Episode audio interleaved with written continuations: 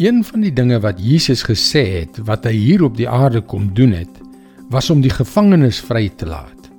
Nou ja, die meeste van ons het nog nooit aan onsself as gevangenes gedink nie of hoe. Hallo, ek is Jockey Gouchee vir Bernie Diamond en welkom weer by Vars. Wel, wat van jou? Hoe klink die idee dat Jesus vir jou uit jou gevangenskap kom vrylaat het? As jy my daardie vraag gevra het voordat Jesus aan my deur kom klop het, sou ek gesê het dit is nie van toepassing op my nie. Maar as jy my vandag dieselfde vraag vra, sal my antwoord wees: Halleluja, dankie Jesus. Want die grootste ding waarin ek vasgevang was, was my ego, my gevoel van selfbelang, my begeerte om goed geag en bewonder te word en dan ook daardie oorheersende begeerte om populêr te wees, om mense te betower met my briljantheid. Dit was 'n aaklige ding wat uiteindelik my lewe verwoes het. Jesus se neef, Johannes die Doper, was 'n man wat groot skare kon lok. Hy was 'n rare woestynbewonende, kameelhaardraande, springkaan en heuning etende vreemdeling. Maar die hand van God was op hom om die harte van mense voor te berei om Jesus te ontvang, om letterlik die weg vir die Here voor te berei.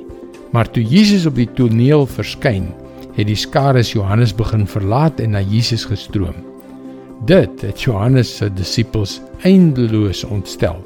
Hulle het na hom toe gegaan en gekla: "Ai, hierdie Jesus ou is besig om al die aandag van jou af weg te neem. Wat gaan ons doen?" Maar kyk, dit is hoe Johannes hulle geantwoord het. Johannes vers 29 en 30. Daarom is ek nou met blydskap vervul. Hy moet meer word en ek minder. En dit dit is hoe die lewe van 'n Christusvolgeling moet lyk. Dit maak nie saak in watter uithoek van die wingerd die Here ons laat werk nie. Dit gaan nie oor ons nie. Dit gaan oor hom. En wanneer al die eer aan Jesus toe kom, dan word ons uiteindelik uit ballingskap bevry. Hy moet meer word en ek minder. Dit is God se woord vars vir jou vandag. Jesus het inderdaad gekom om ons vry te maak. En dit is 'n vryheid wat hy wil hê ons daagliks moet ervaar.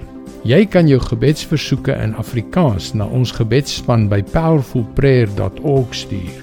Jy kan egter nog op die gewone webwerf varsvandag.co.za vir jou daaglikse vars boodskappe inteken. Mooi loop en luister weer môre na jou gunstelingstasie.